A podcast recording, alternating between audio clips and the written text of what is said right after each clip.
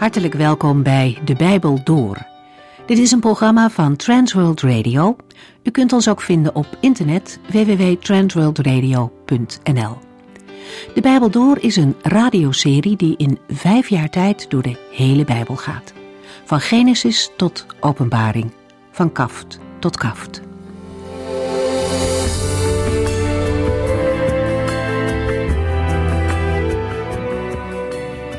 Vandaag lezen we uit het boek van de profeet Obadja.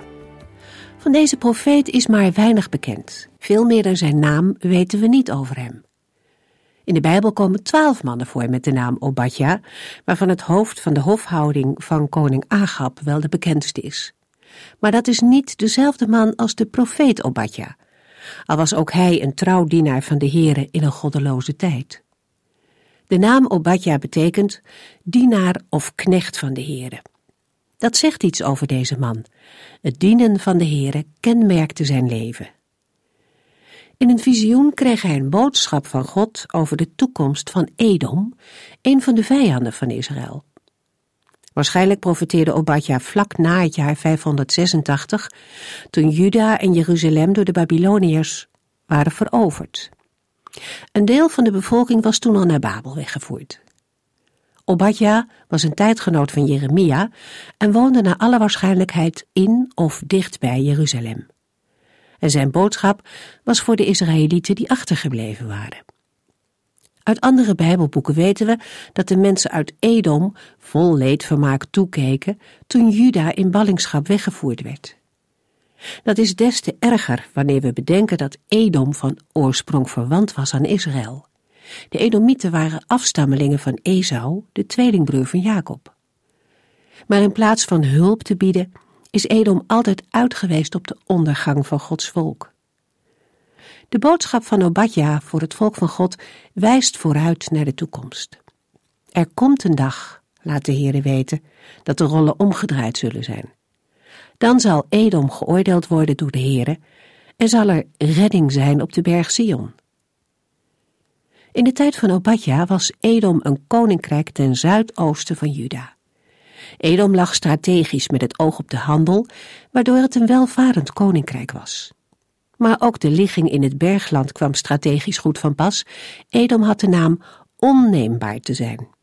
En kenmerkend voor dit volk was ook hoogmoed en trots. En daar staan we vandaag bij stil als we beginnen met de eerste vier versen van Obadja.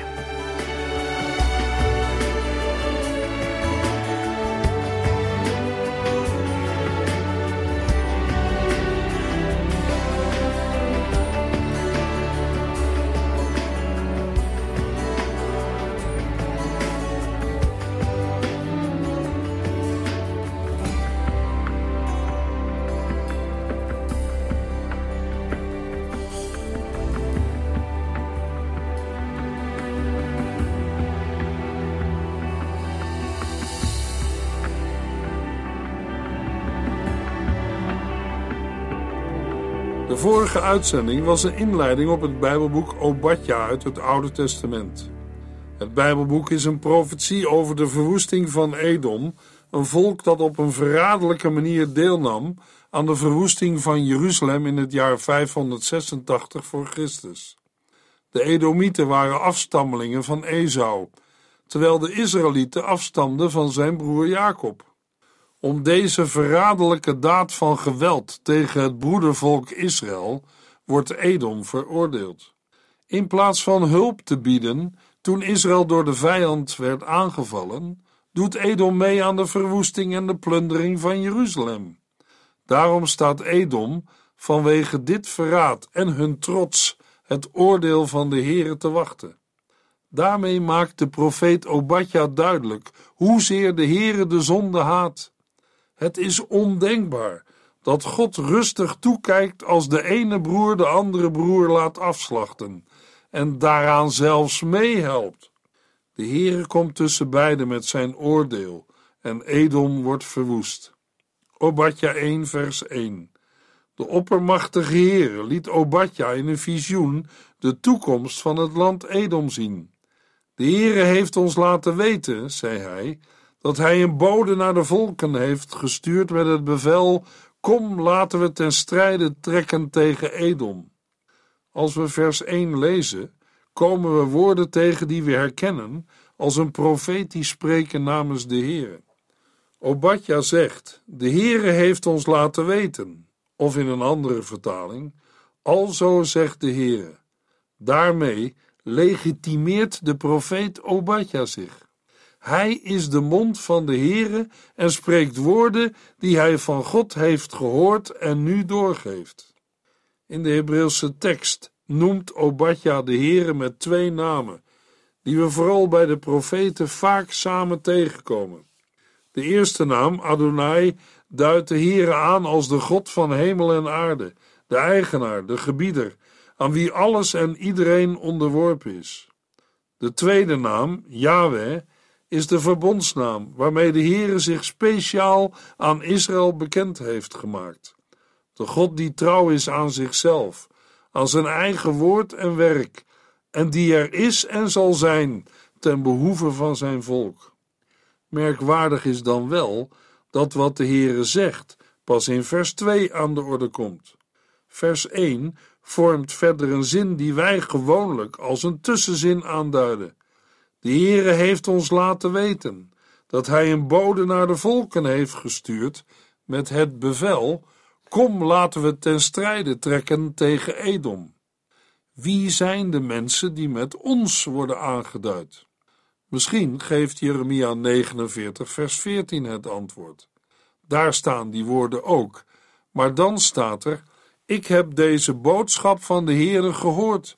Hij heeft een boodschapper gestuurd die er bij de volken op aandringt zich aaneen te sluiten om Edom te vernietigen. Maak u klaar voor de strijd, roept hij. Moeten we daaruit afleiden dat deze en de volgende woorden allereerst tot de profeet Jeremia zijn gekomen, en dat Obadja er later onder de leiding van de Heilige Geest mee ingestemd heeft, zodat in de mond van twee getuigen ook dit woord vaststaat. In ieder geval hebben twee profeten gehoord wat in vers 1 volgt, en ze verklaren allebei dat ze het van de Here hebben gehoord. En wat hebben ze gehoord? Een bericht over een boodschapper of gezant, een soort reizende ambassadeur die rondgaat langs een aantal regeringen van volken met de bedoeling een alliantie te vormen tegen Edom om dan gezamenlijk ten strijde te trekken.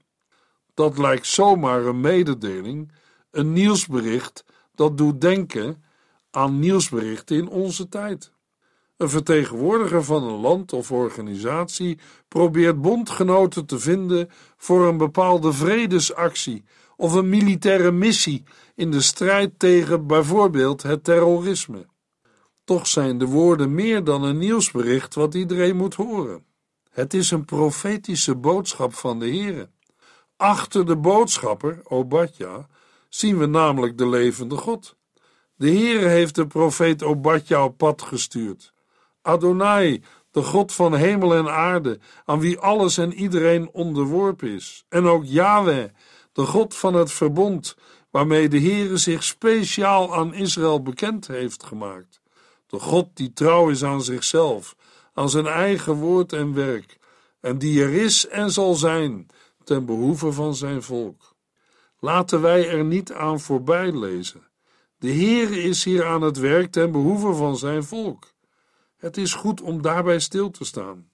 Zonder dat wij alles wat er in de wereld om ons heen gebeurt concreet kunnen verklaren, moeten wij mensen rekening houden met de Heere. Hij die de loop van de geschiedenis bepaalt en de boekrol van de wereldgeschiedenis in de doorboorde handen van zijn enige zoon, Jezus Christus, heeft gegeven. In Psalm 93 lezen we meer over de regering en de almacht van de Heere. De Heere is de grote koning. Hij is bekleed met koninklijke waardigheid. Zijn gordel is kracht. De wereld kan niet wankelen als God haar beschermt. Al van eeuwigheid af regeert u op uw troon.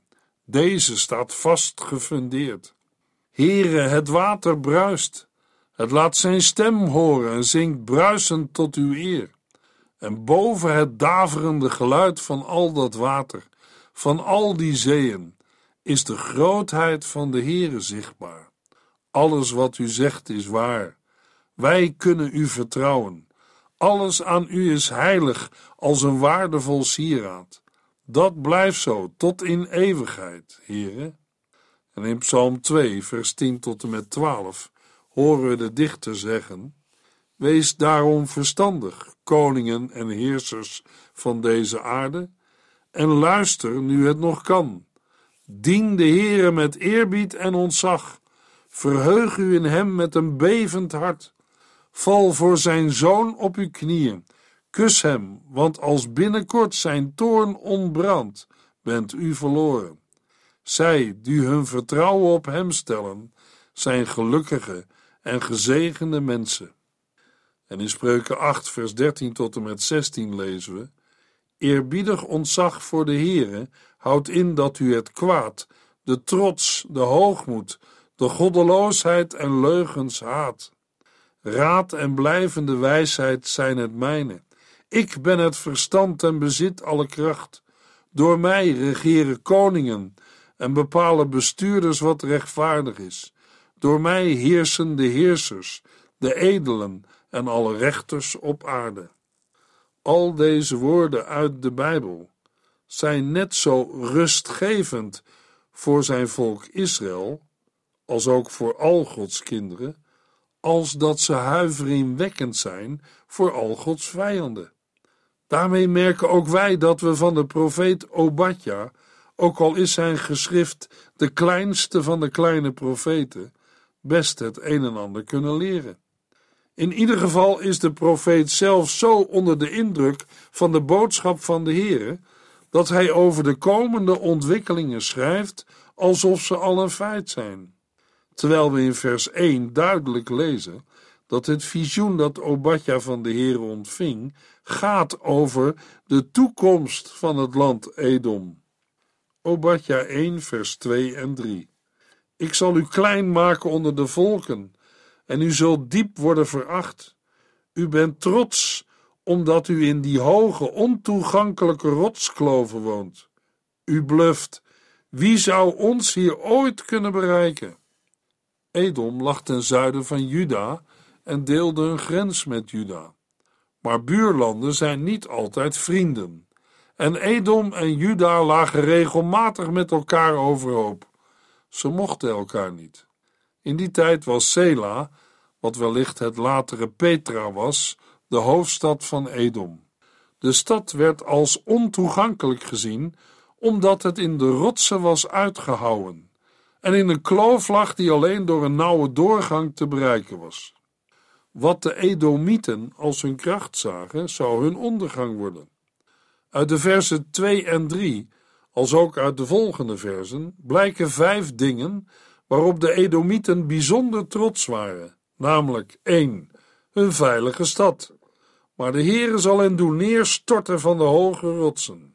2. Ze waren trots op hun onafhankelijkheid, maar de Heere zal hen vernederen. 3. De Edomieten zijn ook trots op hun welvaart.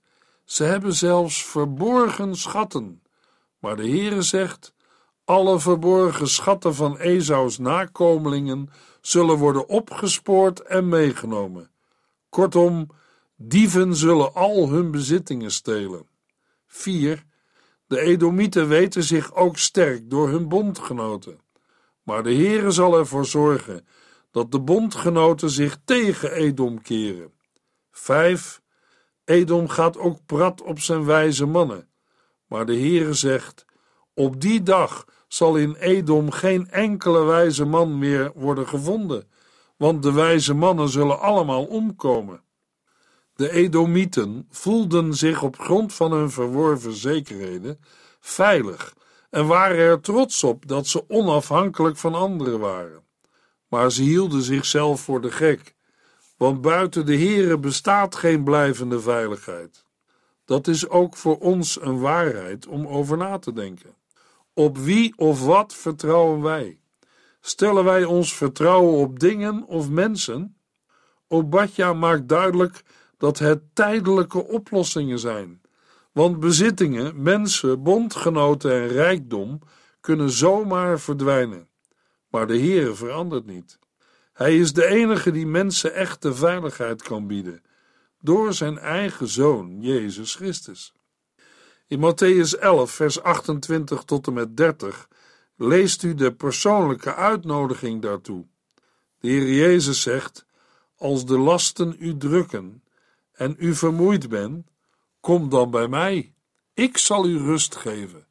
Voeg u naar mij en wees mijn leerling, want ik ben vriendelijk en nederig van hart. Bij mij zult u diepe innerlijke rust vinden. Wat ik van u vraag, is nooit te zwaar, en de last die u voor mij moet dragen, is licht. De Edomieten waren zo ingenomen met zichzelf en trots op hun eigen verworvenheden, dat zij eraan ten onder gingen. Over zo'n houding lezen we in Spreuken 16, vers 16 tot en met 20.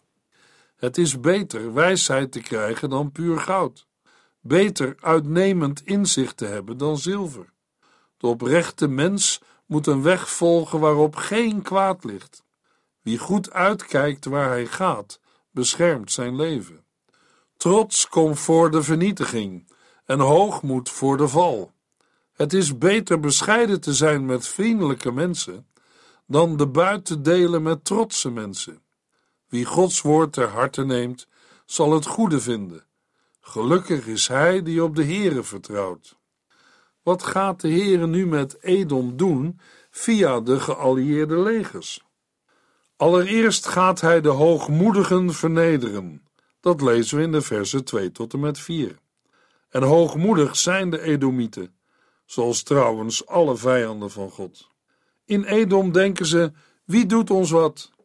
Op het eerste gezicht hebben ze er ook reden voor om zo te denken. Ze hebben hun steden hoog in de ontoegankelijke bergen gevestigd. Hun burchten en forten hebben ze in rotskloven uitgehouwen. Hun vestingen zijn onneembaar, althans voor mensen.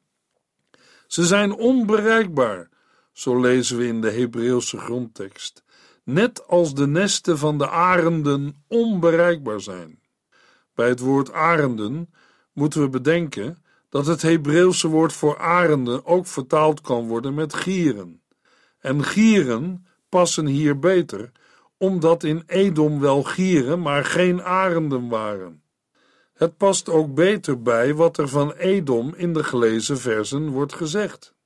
Ze lijken niet op arenden of adelaars, de trotse koningen onder de vogels. De Edomieten hebben meer weg van aasgieren, zoals ze zich op het verslagen Juda hebben gestort. Deze hoogmoedige aasgieren zullen merken dat ze te maken hebben met een God die de hoogmoedigen vernedert. Ik zal u naar beneden laten tuimelen, zegt de Heer. Al zouden ze hun nest tussen de sterren hebben, die in de hemel woont, zal lachen.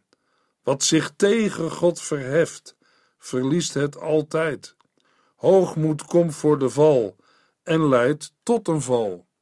Mensen en machten die denken dat niemand hen iets kan doen, houden geen rekening met de Heere, met de levende God. Hij is de rechter die beslist. De Heere vernedert deze en verhoogt die. Zij storten van de top van eer in eeuwige verwoesting neer. In vers 2 konden we dat al lezen. Ik zal u klein maken onder de volken, en u zult diep worden veracht. Wat Obadja in zijn tijd over Edom moet profeteren, moest nog werkelijkheid worden. Maar wij kunnen vandaag zien dat de Heere heeft gedaan wat hij heeft gezegd. Wat is er nog over van de hoofdstad Sela of Petra? Het hoogmoedige Edom geloofde dat het wonend in ontoegankelijke rotskloven volkomen veilig was voor iedere vijand. Te midden van moeilijk toegankelijke plaatsen, omgeven door heuvels en rotsen, lag de hoofdstad Sela of Petra. Daarom zeiden de nakomelingen van Esau overmoedig: Wie zou ons hier ooit kunnen bereiken? Op die vraag komt een onverwacht antwoord. Dat zal ik doen, zegt de Heer. Uit de woorden van vers 4 wordt duidelijk dat er geen plaats te vinden is waar Edom voor de Heere onvindbaar is. Bedrieg uzelf niet, al vloog u zo hoog als een arend en bouwde u een nest tussen de sterren. Ik zou u daar vandaan naar beneden laten tuimelen, zegt de Heere. De overmoed en trots van de Edomieten heeft hen misleid. Trots is geen vrucht van de Heilige Geest. Als we het woord opzoeken in een woordenboek, dan komt er van alles voorbij. Bijvoorbeeld, trots is de vervuldheid van en het doen blijken van het al dan niet gerechtvaardigde gevoel dat men meer is dan anderen. In het algemeen en in ongunstige zin gaat het dan om een hoogmoedig mens. In gunstige zin ben je ergens trots op en is het een gevoel dat je een oppepper geeft en blij maakt. Al zal een christen daarbij altijd alle eer aan de Heere geven en hem danken voor de ontvangen zegen. Mogelijk dat een gelovige best een keer kan zeggen: Ik ben er trots op dat ik bij de gemeente van Christus mag horen. Maar dan zou ik eerder het woord dankbaarheid gebruiken dan trots. Maar de trots waar het in Obadja over gaat, is hoogmoed. Trots in de zin van opgeblazenheid, verwaandheid, jezelf verheffen, opschepperig, zelfoverschatting, arrogantie en minachting. In de Bijbel is het geen positief woord. Er zit altijd een luchtje aan. Trots is vaak heel geniepig en wijd vertakt in een mens die het met zichzelf getroffen heeft. Bij zo'n mens zit het in zijn of haar denk- en gevoelswereld, in zijn of haar houding, in gewoontes. Het uitzicht dan ook overal, thuis, op je werk, in het verkeer, op school en ook in de kerk. Hoogmoed blijkt uit wat een mens doet of juist niet doet, hoe je kijkt, wat je zegt en hoe je het zegt, hoe je luistert en denkt. Het zit in je hart en brengt geestelijke verontreiniging. Want als iemand een trotse handel en wandel heeft, dan zegt de Bijbel dat hij of zij zich daarvan moet bekeren. Het is het tegenovergestelde van een dienende en nederige levenswandel tot eer van God. Daarom zegt de apostel Paulus in Romeinen 12, vers 3b tegen gelovigen: Beoordeel uzelf eerlijk en denk niet te hoog van uzelf. Bepaal uw eigen waarde naar de mate van het geloof dat u van God ontvangen hebt. Trots is ook op jezelf gericht zijn in plaats van op God en je naaste. Waarom is trots een belangrijk onderwerp? Omdat de Heer er een grondige hekel aan heeft. In Spreuken 8, vers 13 lezen we: Eerbiedig ontzag voor de Heere houdt in dat u het kwaad, de trots, de hoogmoed, de goddeloosheid en leugen haat. En in Spreuken 16, vers 5 tot en met 7 lezen we: De Heere verafschuwt alle hooghartigen. Zij en hun nakomelingen zullen hun straf niet ontlopen. Door liefde en trouw wordt de misdaad vergeven en uit ontzag voor de Heere mijt men het kwaad. Als iemand leeft zoals de Heere wil, laat hij het zelfs in orde komen met zijn vijanden. En in Spreuken 6 vers 16 lezen we in dit verband: Er zijn veel dingen die de Heere haat, en zeker zeven waarvan hij een afkeer heeft. En de eerste die dan wordt genoemd is hoogmoed. En daarna volgen liegen, moorden, slechte plannen smeden, met plezier kwaad doen, vals getuigen en verdeeldheid zaaien onder broeders. In Psalm 101, vers 5 en 6 zegt David over dezelfde dingen: Wie stiekem kwaad spreekt over zijn kennissen, wil ik vernietigen. Wie hoogmoedig en trots is, kan ik niet verdragen. Ik ben op zoek naar eerlijke mensen die mogen bij mij wonen. Wie zuiver leeft, mag mij dienen. Het gevaar van het laten voortwoekeren van trots lezen we in Daniel 5. Woorden van Daniel aan koning Belsazar, de zoon van Nebukadnessar.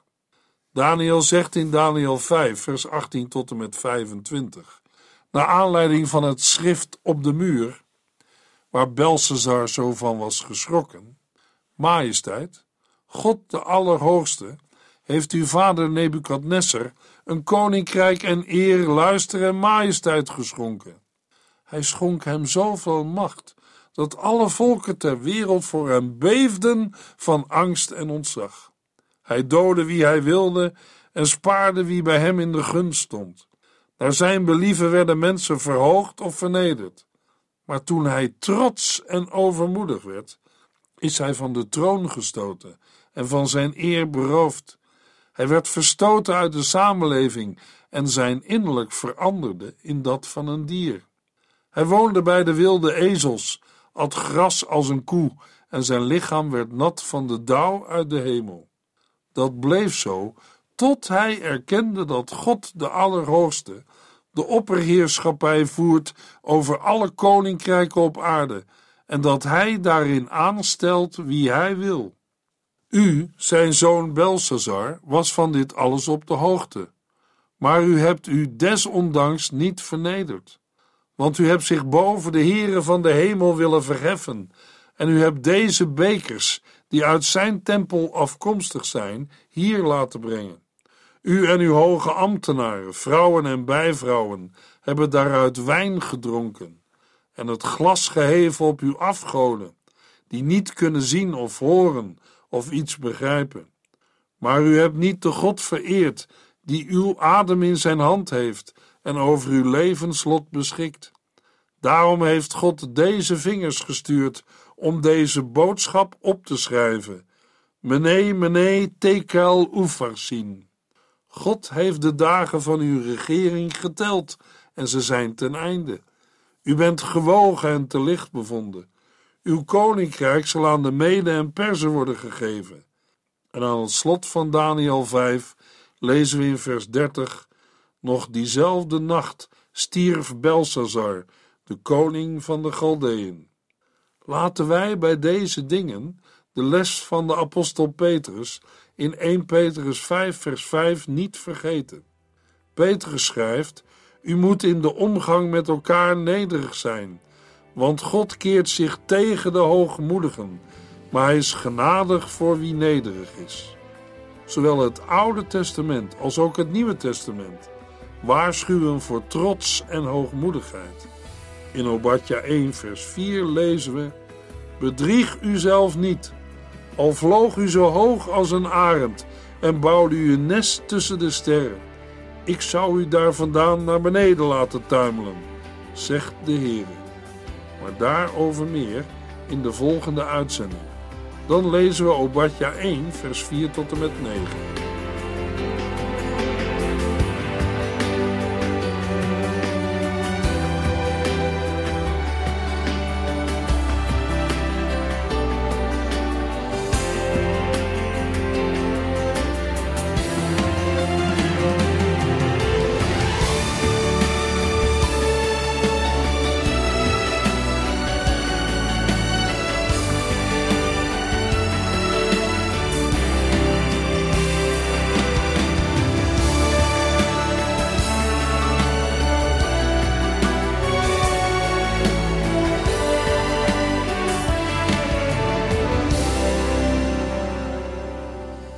Eindigt deze aflevering van De Bijbel Door. Een serie programma's van Transworld Radio. Wilt u ons iets vragen of meer weten? Dan kunt u altijd contact met ons opnemen. Bellen kan overdag met 0342 478432. Per post Transworld Radio. Postbus 371. Postcode 3770. Anton Johannes in Barneveld. En e-mailen kan ook. De Bijbel door at transworldradio.nl En natuurlijk ook via onze website transworldradio.nl Dit programma werd gepresenteerd door Cor Weda en Ike André. En namens iedereen die er nog meer aan meegewerkt heeft, graag tot de volgende keer.